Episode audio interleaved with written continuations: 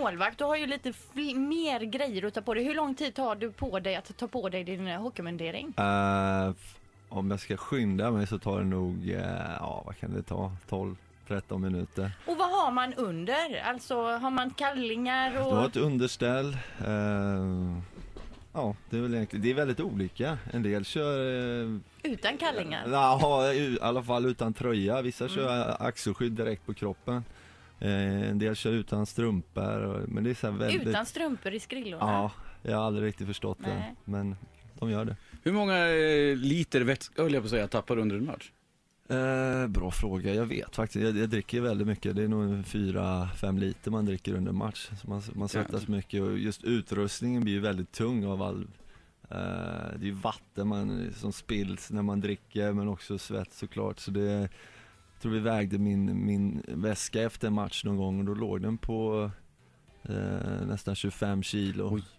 Så då, eh, det är stor skillnad på eh, hur man känner eh, vikten i början av match och framförallt i slutet av match. Mm. Och går man då till övertid i slutspel och spelar kanske fyra fem perioder, det är, det är så tungt när man går till isen. Man känner måste spara kraften. Men nu litar vi ju på att du sköter ditt eh, drickeri eh, själv för att jag kommer ihåg när, när jag var som ledare för och de var U9 då kom ju målvakten mitt under pågående period fram till oss materialare och sa jag är kissnödig. Ja, men har det hänt? Ja. Att du har behövt eh, känt att nej jag måste Har du kissat i dräkten någon gång? Nej, det är ju det. I och med att du svettas så mycket så um, jag har aldrig blivit kissnödig under en match. Nej. Det är liksom, För vilken färg hade det blivit på isen då i själva målområdet och när vet de när de är inne i målområdet och inte då. Alltså, att, ja. Eh, eh, Henke, hur lång, hur lång tid eh, tänker du spela hockey? eh, ja, jag har sex år kvar på kontraktet och eh, jag vill absolut eh, köra ut den, den sträckan. Sen får man se om, om man vill spela något år till efter det. Jag kommer vara 39 när, när kontraktet Men går vad ut. gör du efter det tänker du? Har du några drömmar om vad du vill syssla med? Jag håller det ganska brett känner jag. Eh, Jag gillar att göra många olika saker. Jag tror den, den stora frågan kommer bli, var vill man bo? Mm. Och, Och eh, nu har jag två barn och eh, om sex år, jag menar, det blir en stor fråga då, var ska de gå klart skolan?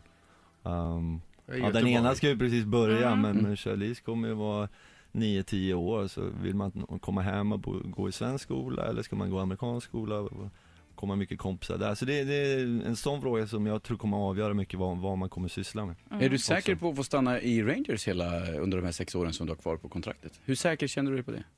Ja, För det tradas ju ja, rätt så friskt. Jo, där. men eh, nu kan de inte trada mig om inte jag går med på det. Ah, okej. för jag Mm. har det kontraktet. Men, eh, som vi pratade om tidigare, det gäller att leverera för det, det, det vänder väldigt fort. Ja, det är inte svårare än så alltså. Nej, jag Man menar, bara levererar. ja, du måste leverera. Det spelar ingen roll om du är 33 eller 38. Ja. Jag menar det, och det, det är ju den pressen man får sätta på sig själv och se till att man kommer förberedd till varje ny säsong och, och, pusha sig själv här. Men även fast du har kontrakt, även fast de inte kan trada mot din vilja så menar, man vill ju att de ska ha en där, eller att, Mm. att man vill att de ska vilja ha en.